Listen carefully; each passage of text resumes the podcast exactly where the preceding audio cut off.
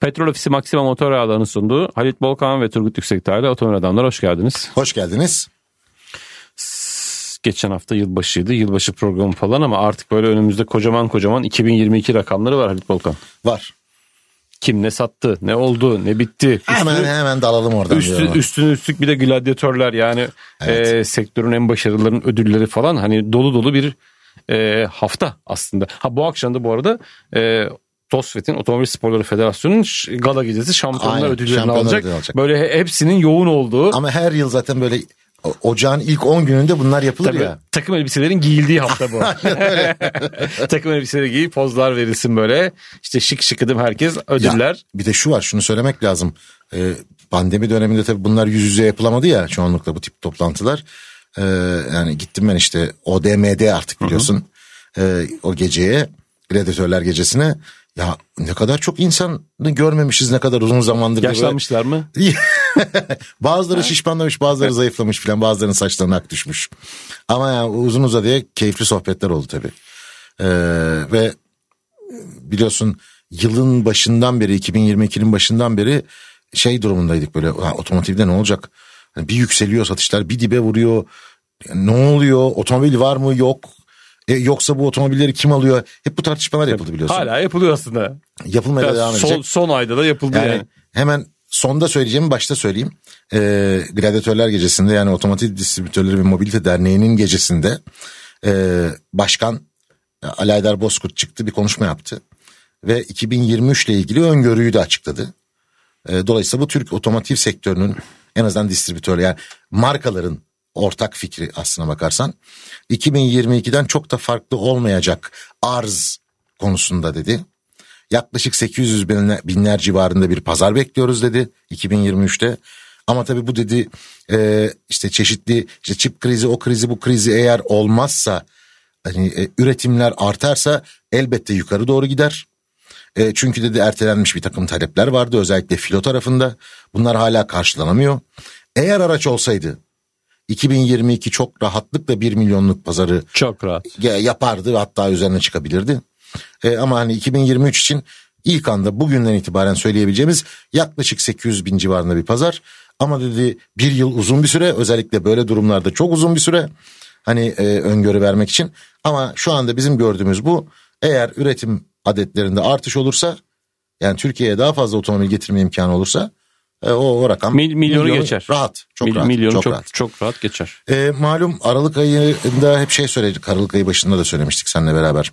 E, hani 2022 nasıl kapanacak? Aralık ayı satışı önemli. E, ne gelirse satılacak ama ne gelecek? 115-120 aralığı bekleniyordu. Tam tam 115 geldi galiba. Tam geldi.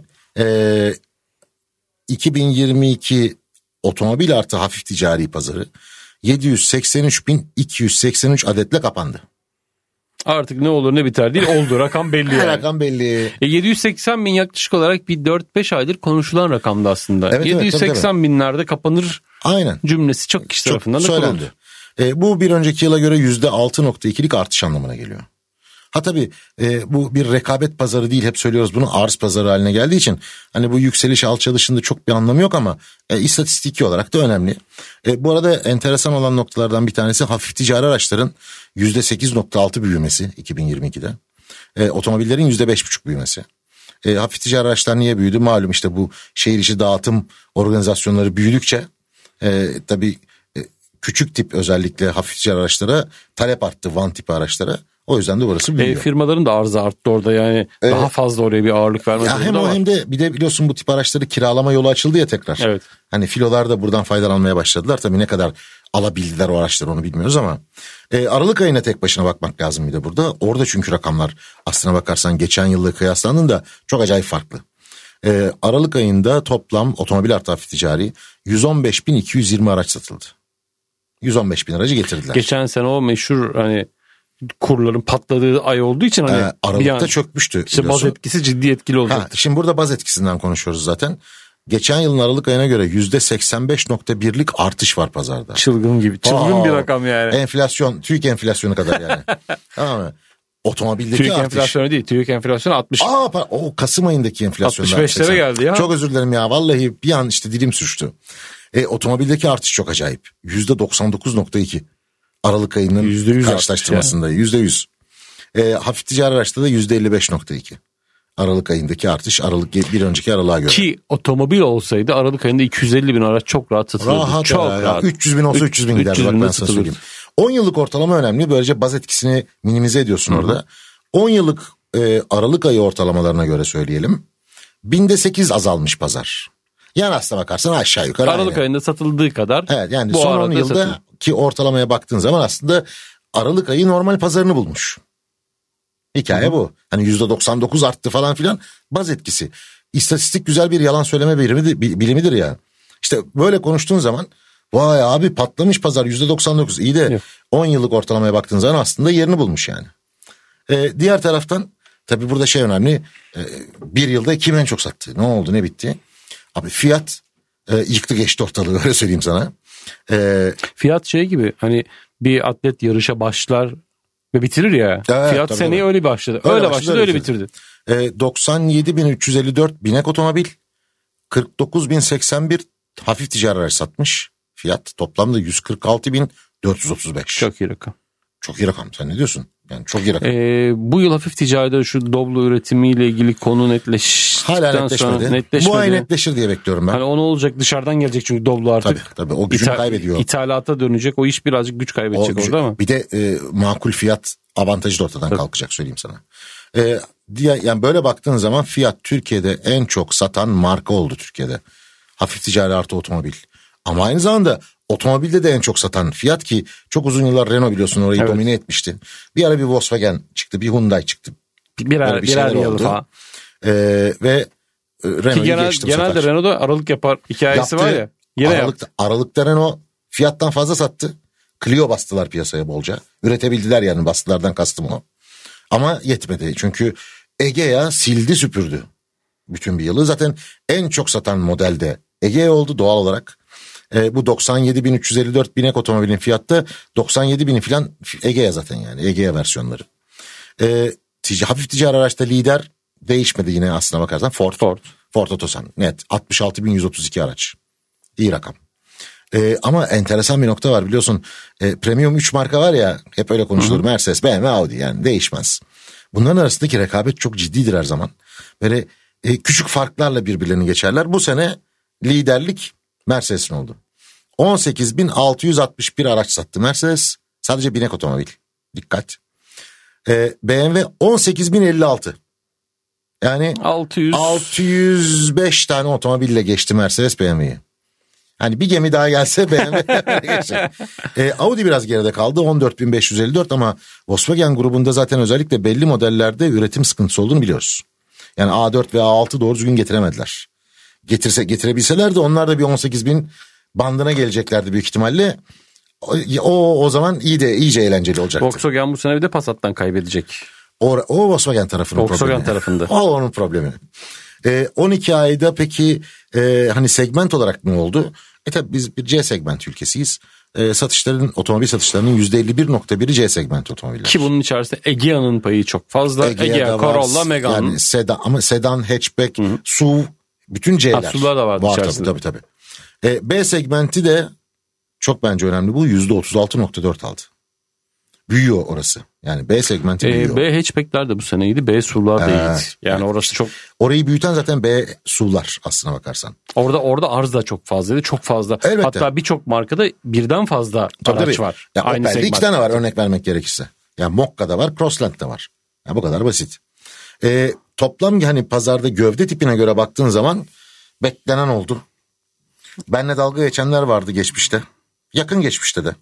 Ben hep şunu söylüyordum 10 yıl önce yazdığım yazıya da dayanarak. Hani yazılı olarak da var Allah'tan. Sedanlar ölecek. Bu iş SUV'a dönecek diye ben her seferinde söylüyorum. SUV gövde tipi biz ona crossover'da diyoruz. %41.4 de Türkiye'nin en çok satan gövde tipi oldu Aa, ilk defa Ar- yıl bazında. Evet artık SUV'lar Türkiye'de en çok satan Su gövde. pazarıdır Türkiye Evet. bundan sonra geçmiş olsun. Sedan'ın pazar payı %36.6. Zaten burada da Egea sedan, Megane sedan, Corolla, Corolla sedan. sedan. Ya bu üçü bu %36'lık payda çok çok önemli pay oynuyor. Tabi orada Passat da var. Ama önümüzdeki yıl Passat sedan yok. Demek ki bir e, pazar kaybıyla karşılaşacağız gibi görünüyor sedanda. E, hatchback'lerde %20.1 yani E, hatchbackler koruyorlar kendilerini şu an için. Ama Orada da B hatchbacklerin de etkisi var. Ee, B hatchbackler çok iyi geldi ama önümüzdeki sene yeni gelecek B hatchback var mı diye düşünüyorum. Hepsi yenilendi çünkü Ee, ma- hepsi yeni, hepsi yeni. Hepsi yenilendi. Önümüzdeki sene gelecek yeni bir model yok, Yok. şu Yok. anda. Yani görünürde pek yok öyle söyleyelim. E, motor tipine geldiğimiz zaman işte zaten son birkaç yıldır benzinli pazarı oluyorduk. Olduk diye konuşuyorduk. E, benzinli motorlu otomobiller %69 pay aldı. E, dizel %17.4 direniyor orada. Yani iki yıldır %17 civarında direniyor dizeller. Hibritler büyümeye devam ediyor. %10.9. E orada tabii Toyota çok önemli faktör. E, Türkiye'de de ürettiği için e, CHR ve Corolla sedanı hibrit olarak tabii orada en büyük pay aslına bakarsan onlara ait Toyota'ya ait. LPG'li fabrikadan LPG'li Bu, bu arada çok özür dilerim. Mild hibritlerin birçoğu da aslında hibritte yok. yok. Hayır mild Ee, hibrit geçerli eğer değil. olsa çok daha yüksek bir rakam ama, Ama mild o, hibritler yok orada. Evet o zaten e, Avrupa'da da onlar zaten sayılmıyor. E, LPG'li hani fabrikadan LPG'li demek lazım. Zaten Honda yapıyor bu işi temelde baktığında ağırlıklı olarak. Yüzde 1.4 pay almış. Ve gelelim elektrikli adedine. Aslında artık yüzde olarak verebilecek duruma geldik neredeyse de. E, 7733 tane elektrikli otomobil satıldı 2022 yılında Türkiye'de. Hani bir önceki yıla göre neredeyse çarpı 2 demektir bu. Ki biz bunu yıl içinde söylüyorduk. İki de 3 hatta 2000 küsürdü galiba Yani. geçen. Şey 3000'e Üç, yakındı. Ee, tabii burada şeyleri bilmiyoruz. Galerilerin getirip yani Grey Market'in getirip sattıkları kaç adet onu bilmiyoruz. Herhalde bir 10 bini buluyordur onlarla 10 bin, beraber. onunla beraber 10 bin olacaktır onu Ee, ama şunu söylemek lazım. Bu yıl 2023 yılında malum TOK'ta satışa çıkacak ya. Ve söyledikleri gibi 20 bin tane satarlarsa Türkiye'de e, 2023 yılında TOK'çular e, yani Yüzdelik bir dilim olur orada. yüzdelik değil artık böyle bir, hani böyle acayip bir yerlere gelecek. Şu anda yaklaşık yüzde bir zaten. Hani 783 bin otomobil satıldı ya. E 7700 ya. Neredeyse yüzde Evet. bir artık tamam onu kabul edebiliriz.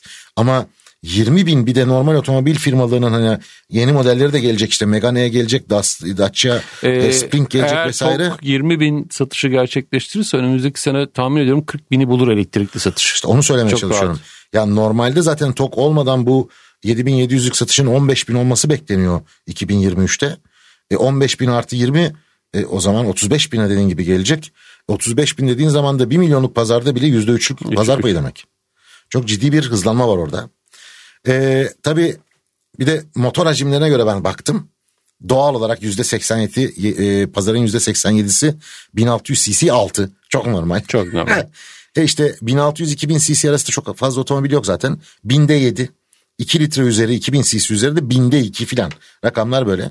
Evet biz 1600 cc'ye kadar otomobilleri vergisel anlamda ödüllendirdiğimiz için diğerleriyle kıyaslayınca kimse yanlış anlamasın bunu lütfen. Vergilerin hepsi yüksek. E, dolayısıyla biz de 1600 cc altı otomobillere binmeye devam ediyoruz. Böyle giderse de öyle devam edecek. E, otomatik şanzımanda e, pay %78.3. Oraya orası bir oturdu. Oturdu evet. E, manueller tabii 21.7'de kaldı. Ee, %21.7'de. Egea'nın otomatiğinin çıkıyor olması birazcık orayı dengeleri ya, değiştirdi o, bu süre orada şey var ama işte hani yedek parça bulabilme, o şanzımanı temin edebilme vesaire bir sürü hikaye var orada. Bir de abi otomobiller öyle pahalandı ki millet bulduğunu alıyor ya firmada bulduğunu getiriyor, E, bir de- bulduğunu üretiyor Bir yani. de filo için hala daha manuel daha avantajlı. E, yani evet evet bir de Anadolu'da bir sürü yerde otomatik şanzımana ihtiyaç da yok yani açık söylemek gerekirse. E, bunun dışında tabii ha bir de şu var. Satılan otomobillerin yüzde kaçı hangi ÖTV diliminde? Güzel soru. Ee, bütün yıl bazında tabii biliyorsun arada bir tane de düzeltme yaptılar ya. Satılan otomobillerin yüzde 53'ü yüzde 80 ÖTV diliminde satılmış. Yüzde 16.7'si yüzde 70 ÖTV'de. Yüzde 10.5'u yüzde 60 ÖTV'de. Yüzde 5'i yüzde 50 ki bu da son aydır. Evet. Ha, ihtimalle. Son dakikada girenler onlar. E, Yüzde 45 hiç yok. Abi kaldırın bari onu. Yani gözümüze 80 batıyor. üzeri. E, onu koymadım. Hani 1.6'lara kadar olanlara baktım. Çünkü pazarın zaten hani Büyük %87'si burada olduğu için.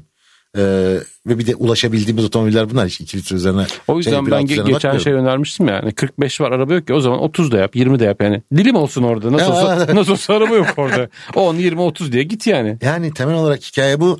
Kısaca da şeyi söyleyeyim.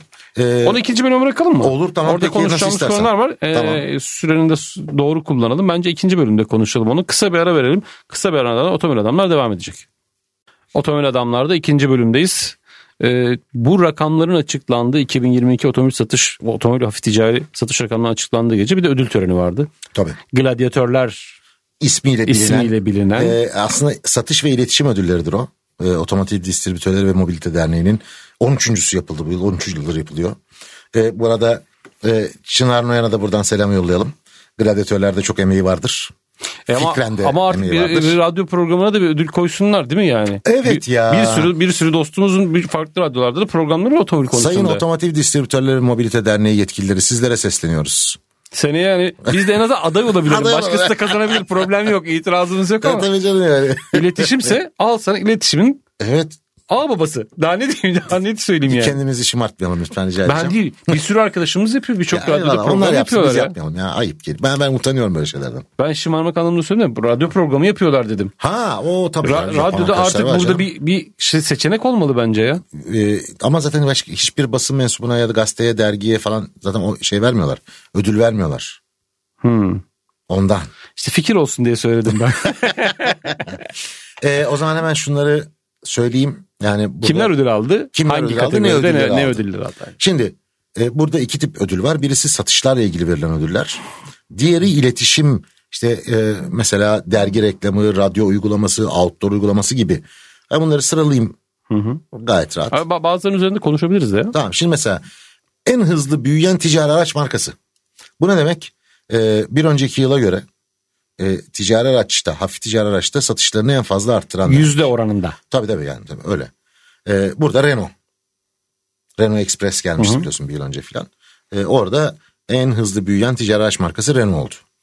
Ee, en hızlı büyüyen otomobil markası. Bu, burası zordur. Çünkü bazı marka mesela Maserati 3 tane satmış o kadar alabilmiş o yıl. Bir sonraki yıl 10 tane aldığı zaman %300 büyüme Evet. diyorsun filan. Hani tartışılır orası hep ya. Ama burada çok tartışılacak bir şey olduğunu düşünmüyorum. Cupra. Cupra evet.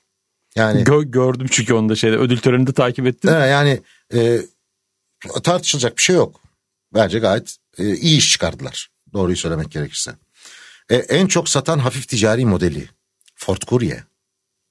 Yani e, beklenen Marka bir değil şey. artık Bu model. model, model. Bu model. Ford Courier aldı bunu. En çok satan otomobil modeli Fiat Egea. Az önce söyledik.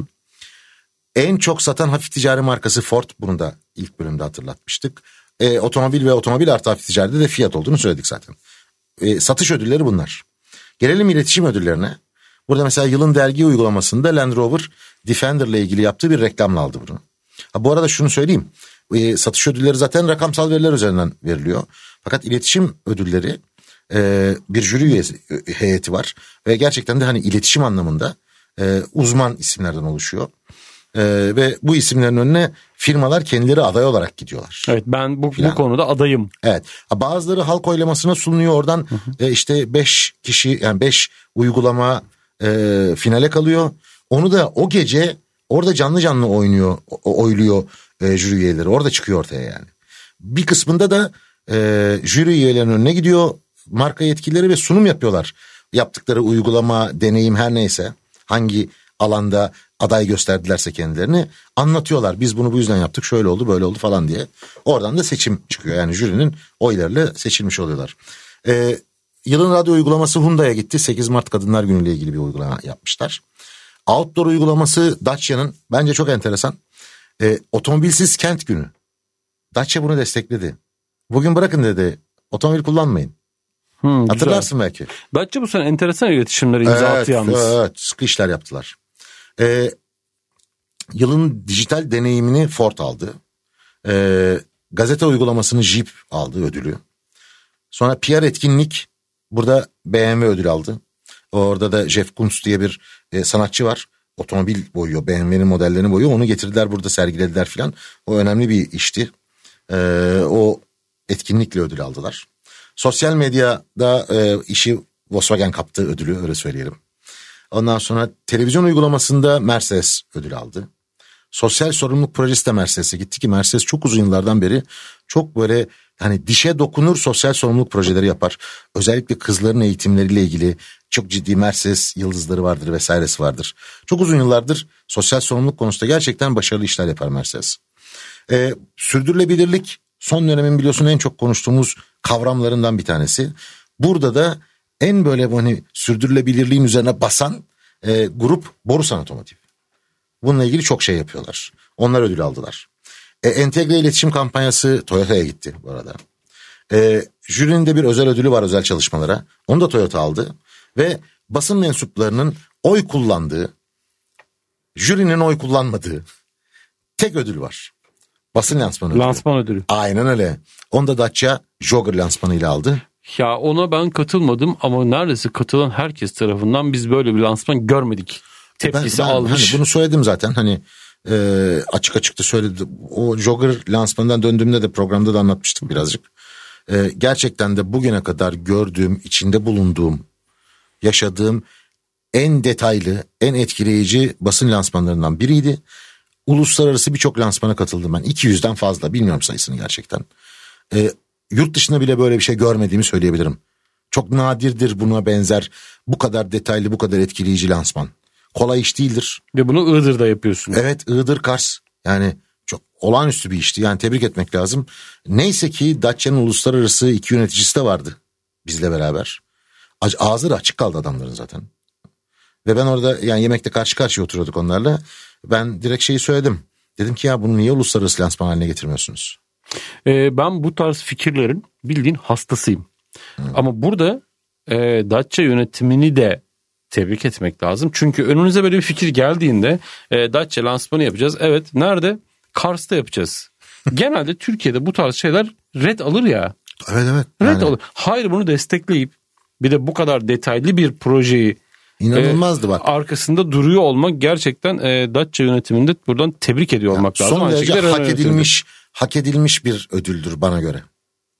Ve ben şunu da söyleyeyim açık açık. Ben e, o ödüle normalde oy kullanmıyorum. Kullanmıyorum. Bu defa yani. kullandım diyorsun. İlk defa kullandım. Hakikaten çünkü hak etti yani.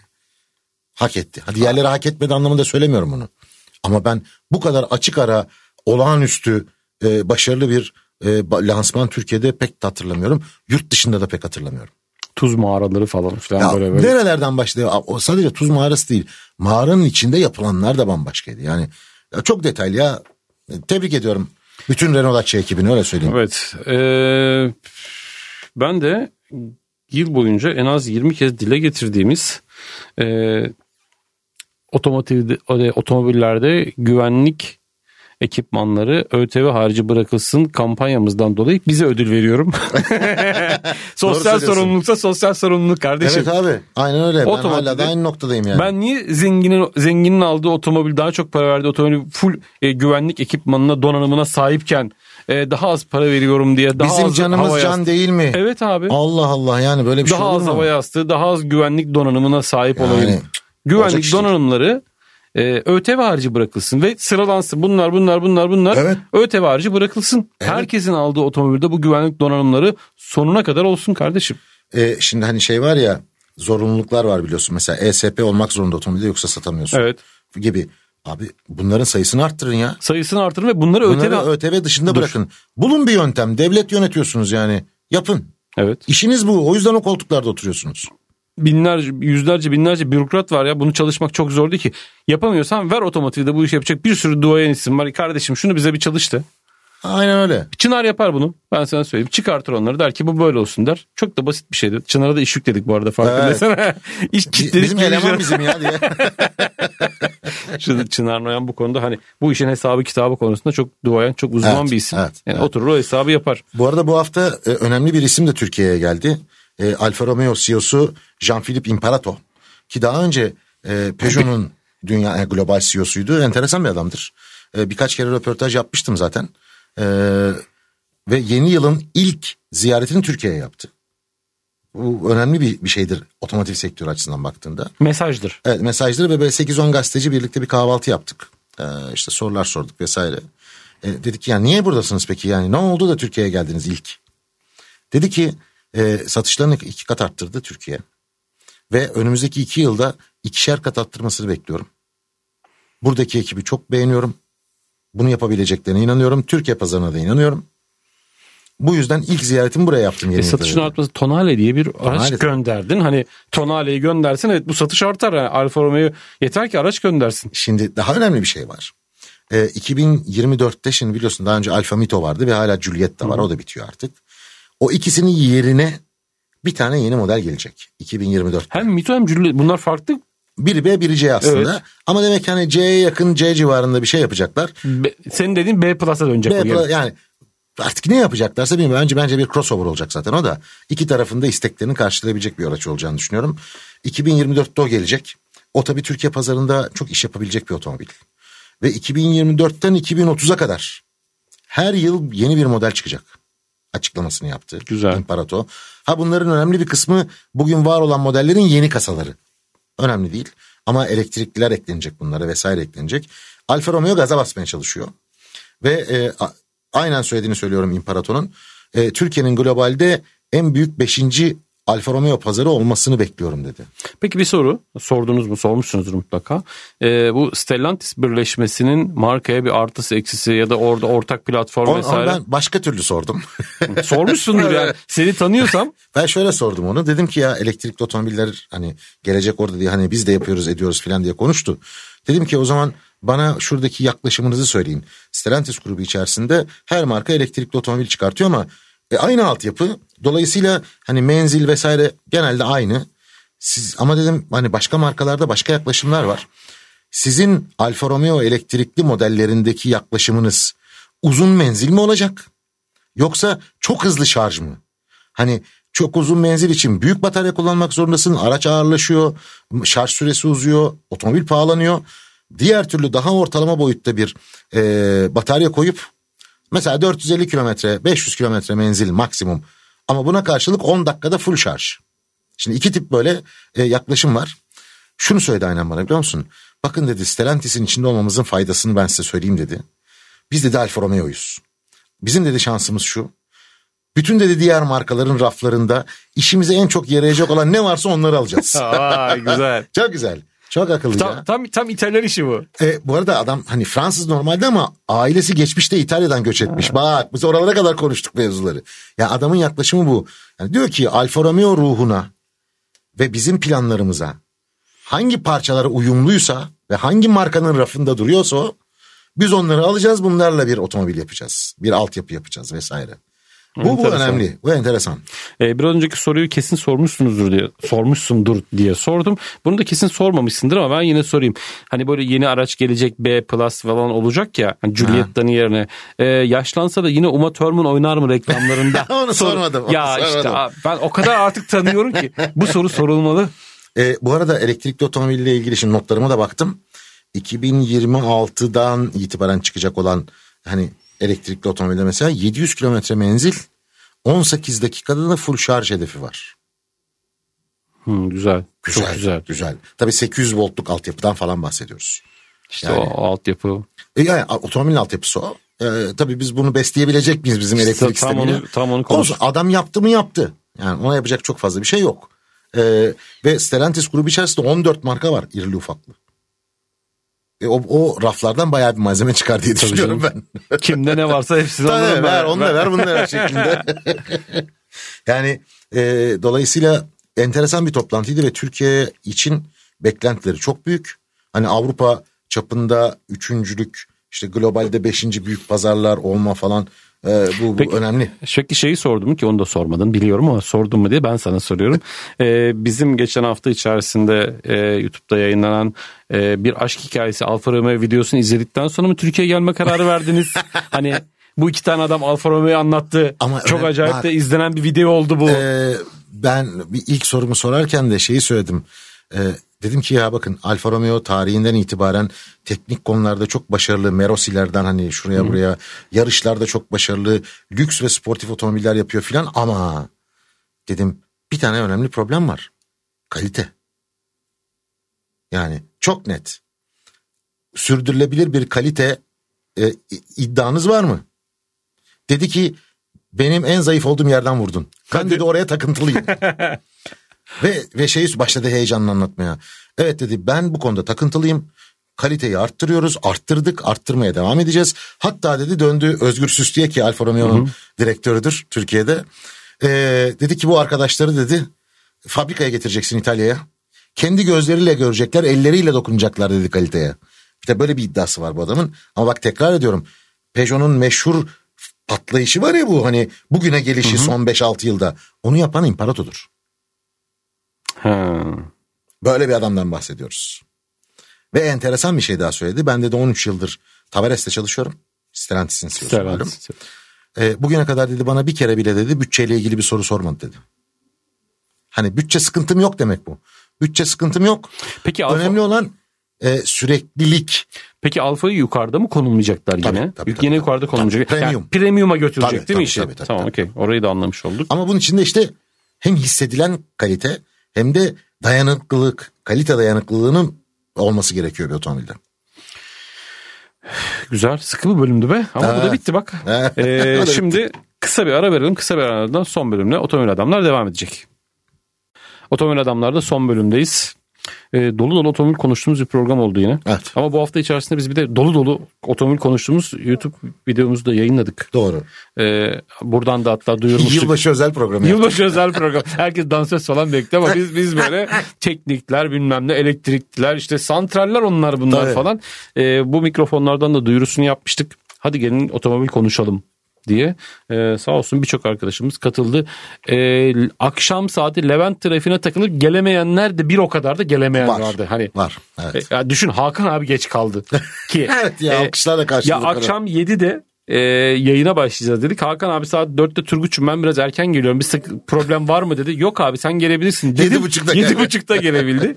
e, çok ben keyif aldığım bir şey oldu biliyor musun Lito'ya? Evet bu arada iki buçuk saat. 2.5 saat. 2 saat Yani 20 o dakika. kameraların açık olduğu iki buçuk saat. Onun öncesinde de bir, bir saat insanlarla sohbet ettik zaten yani. Ama o gözlerdeki şey görüyor. Aa evet buradayız ve soru soramadılar biliyor musun? Yani, Evet, abi ne sorayım? Bir de şey var. Ben soru sorarım ama şimdi bunlar bana döndürür bir yanıt verir falan. Hani Yok be biz yapmayız çok yani. e, ben çok keyif aldığım bir iş oldu bu. Evet. E, Devamı gelecek arkadaşlar. Şubat ayı gibi böyle bir planımız var ama bu defa daha planlı programlı, daha önceden bilgisini verdiğimiz, paylaştığımız e, ve mümkünse hafta sonu hani abi iş çıkışı yetişememcilerin de düşünerek ama bu defa tahmin ediyorum merdivenlerin falan dolacağı bir e, sohbet olacak. Yani pazar günü yapmayı planlıyoruz. Öğle saatlerinde hani herkes kahvaltısını yapıp rahat rahat gelir. Hani rahat rahat evine döner. Rahat rahat sohbet ederiz. Pazar sabahı işte bilmiyorum öyle pijamayı falan çıkarmışsın saç baş dağınık. Biz, bizim durumda biz erkenden gene orada olur sabah 8'de Tabii 9'da orada olur hazırlanır böyle. Biliyorsun yaşlılar az uyuyor ya. Ha, tabii tabii. Valla çok güzel çok güzel sorular geldi. Ee, YouTube'da da yayınladık onları. Şey gibi oldu. Ama baya sinema filmi gibi. Araya biz bir 10 dakika mola mı verseydik orada? Verdik ya. Ya var da tabii orada ama şimdi hani gidin çayınızı kahvenizi alın falan hani öyle şeyler yazmıyor. Ama öbür sefer ben diyorum ki acaba kadro geniş olursa ben orada bir popcorn tezgahımı açsam. Aa güzel fikir. Finans hani nasıl? Finans Ulan diyorsun. biz onu beceremeyiz Hmm. Herkese, gel abi gel buradan ne varsa pop popcorn bizden. Ee, güzel bir toplantı oldu. Ee, o yüzden bizimle beraber olan, gönlü bizimle beraber olan, izleyen dinleyen herkese de çok teşekkür ederim. Çok keyif aldığımız bir iş oldu. Önüm, bu yıl içerisinde de bu tarz otomobil buluşmalarını hem İstanbul'da e, hem de Türkiye'nin birçok yerinde yapalım istiyoruz. Çünkü e, inanılmaz iyi fikirler geliyor biliyor musun Rito? Evet. Evet, evet, evet, evet. Ve şeyi inanıyorsun. Mesela ben bizi izleyen grubun yaşlı olduğuna inanıyordum. Bak çok dürüstçe. Değilmiş. Değilmiş. Yani bayağı Değilmiş. çocuklar yani hani. Ya çocuk değiller tabii de yani üniversite öğrencilerinden E, başlayarak. çocuklar işte bize doğru. göre yani. Ya deme öyle öyle deme öyle deme. Ama çok böyle e, inanılmaz iyi fikirler var. Zor sorular var. Evet evet. Ve hani çalışılmış ve e, açıkçası bu işin ikincisini çok heyecanla merakla keyifle Orada bekliyorum. saatlerce trafikteyken hep düşünmüşlerdir. Ne sorsam acaba ne sorsam acaba diyor. Kaliteli sorular iyice kalitelerle geliyor o zaman. Ya bizim orada iddiamız vardı ya e, otomobille ilgili o masadan yanıtsız soru çıkmaz. Evet. Çıkmaz yani Çıkmaz. net. Hani şeyini de sor. Piyasanın durumunu da sor. Çıkmaz. Teknik de sor. Çıkmaz. Arıza sor Arıza çıkmaz. sor. Çıkmaz. Ne Hangi sor? araba daha iyi hangisi ne o da çıkar. Yani hiç- oradan yanıtsız çıkabilecek bir tane soru yok mesela otomobilde. Ya zorlarsan çıkartırsın da ona biz cevap vermedik. Abi o zorlayacak çıkar. adam buyursun gelsin zaten masada otursun. Değil mi, değil mi? Öbür programı masaya alalım. Diyelim ki üstadım gel senin yerini ayırdık falan. Sen hani buyur, buyur, buyur buraya gene dönecek iş. Yani. Güzeldi. Tekrarını yapacağız inşallah dediğimiz gibi duyururuz da. Mutlaka. Peki son e, bölümde de şeyi sorayım sana. Tekrar ilk bölüme bağlayacağım. Programın ilk bölümüne. Senin bu yılki e, araç satışı vesaire bir- birçok kişiyle konuşuyoruz. Ya Sek- işte bak, 800 binin dedik ama yani 800 bin hani Ali Aydar Bozkurt'un Hı hı. e, yaptığı açıklama. E, şimdi onlar bizden çok daha iyi biliyorlar. Üretim adedi ne olacak? 3 ay sonra ne olacak? 5 ay sonra ne olacak? Hani ne gibi sıkıntılar var? Onlar yaşıyor onları. Ya hariçten gazel okumak bu konuda çok saçma geliyor bana. Ya bazen bazı arkadaşlar şey yapıyorlar. Bu sene 1 milyon satılır. Neye göre 1 milyon diyorsun baba sen? Hangi veriye dayanıyorsun? Biliyor musun hangi markanın elindeki tedarik listesinde bir aksaklık var mı yok mu öyle mi böyle mi? Uydur salla gitsin tutarsa yaşasın tutturduğuma dönüyor iş. Ya bu biraz bana şey geliyor. Peki Yanlış geliyor. Önümüzdeki sene gladyatörlerde Mitsubishi ödül alır mı?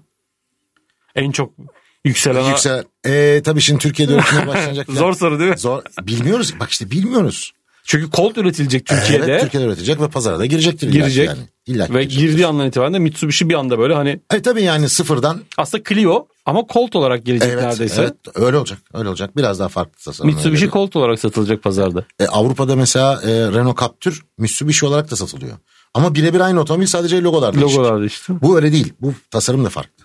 Ha. Colt, Colt biraz daha kendine özgü bir Mitsubishi olacak. Ben e, 2022'yi heyecanla bekliyorum. Çok otomobil vardı yeni gelecek. Bu sene de var. bir 60-70 civarı yeni model bekleniyor ama geçen sene de bekliyorduk. Geçen. Bir kısmı gelmedi.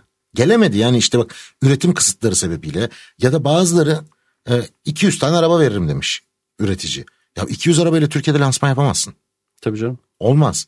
Hani e, topal ördek olur otomobil ondan sonra. Bir de şey kötüdür. Yok satmak iyi bir şey değildir aslında. Şeye dönüyor. Reklamını yapıyorsun gidiyor tüketici e yok. E abi olmayan otomobilin niye reklamını E, yapıyorsun? şu an şeyde yaşıyoruz ya geçen hafta içerisinde YouTube'da videosunu test videosunu yayınladık işte. Toyota Corolla Cross. Ha onu söyleyeyim 2023 yılı içerisinde satın alabileceğiniz bir tane bile Corolla Cross kalmadığına dair bilgi geldi bana. Yok. Hepsi satılmış. Hatta bir bayide sadece bir Toyota bayinde 900 kişilik sıra varmış. Evet. Şu an bugün Yani. şu programı yaptığımız gün e, pazarda bir 50 bin tane Corolla Cross olsa satılır. Bugün satılır. Bugün satılır. Evet. yani. Bugün biter Ki yani. yanlış hatırlamıyorsam bu yıl için hedefleri 10 bin adetti. Yani alabilecekleri araç. Ha belki onu biraz daha arttırabilirler yıl içerisinde. Bunu şu anda Ali Aydar Bozkurt da bilmiyor. Bilmiyorum evet. O yüzden diyorum hariçten gazel okumanın bir anlamı yok. E, şeyi hiç konuşmadık ama önümüzdeki haftalarda onunla ilgili hem konuşalım hem de e, işin uzmanı bir dostumuzu davet edelim istiyorum. E, karışacak ya da e, alevlenecek ki ve fiyatı artacak bir pazarda ikinci el aslında. Ee, onu kısaca söyleyeyim. İki ayrı hani bu konuyla ilgili uzman kişiyle konuştum. Piyasanın içindeki insanlardan bahsediyorum.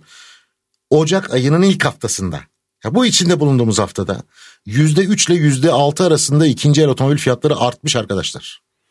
Net veridir yani bir tanesi bu konuştuğum arkadaşlardan bir tanesi kurumsal ikinci el şirketinin genel müdürü. Direkt piyasanın içinden fiyatlarla ilgili doğru bilgi alabileceğimiz birisiydi. Aralık ayının e, ortasında yaptığımız mikrofonda bu mikrofonda biz zaten bunu söyledik. Evet Nokta. söyledik bitti. Yani Böyle yılbaşı itibariyle ikinci el fiyatları artar sonra da artmaya devam ederek gider. Edecek. Ve Aynen öyle. artmaya da devam edecek. Ama önümüzdeki haftada şu ikinci el mevzusunda bir konuşalım. Bu arada sıfırından pahalı ikinci el otomobiller tek tük ortaya çıkmaya başladı.